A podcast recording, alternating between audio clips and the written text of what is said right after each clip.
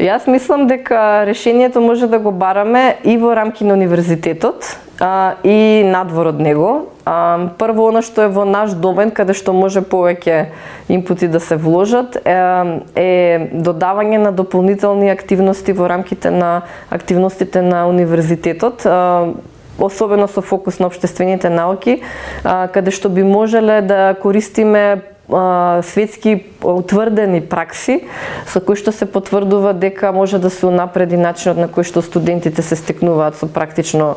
знаење, односно примена на, на тоа што го имаат научено. Например, многу е популарно да се користат различни форми на симулации како решенија. Ке наведам конкретно симулации да речеме за начинот на кој што функционираат берзите како еден сегмент во рамките на економските науки или симулација на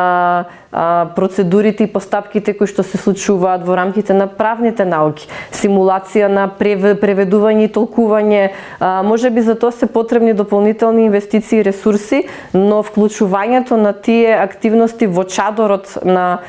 понуда која што има универзитетот, сметам дека може да биде добар начин на кој што студентите ќе може да ги обез... да добијат полна услуга за теорија и за пракса истовремено, поаѓајќи од онаа теза која што ја дискутирав предходно дека двете работи не можат една без друга. Дополнително решение гледам во можноста да се прошири партнерскиот однос со институциите, особено од бизнис секторот со кој што соработува универзитетот, затоа што се утврдени пракси на решавање на реалните проблеми на бизнис секторот од страна на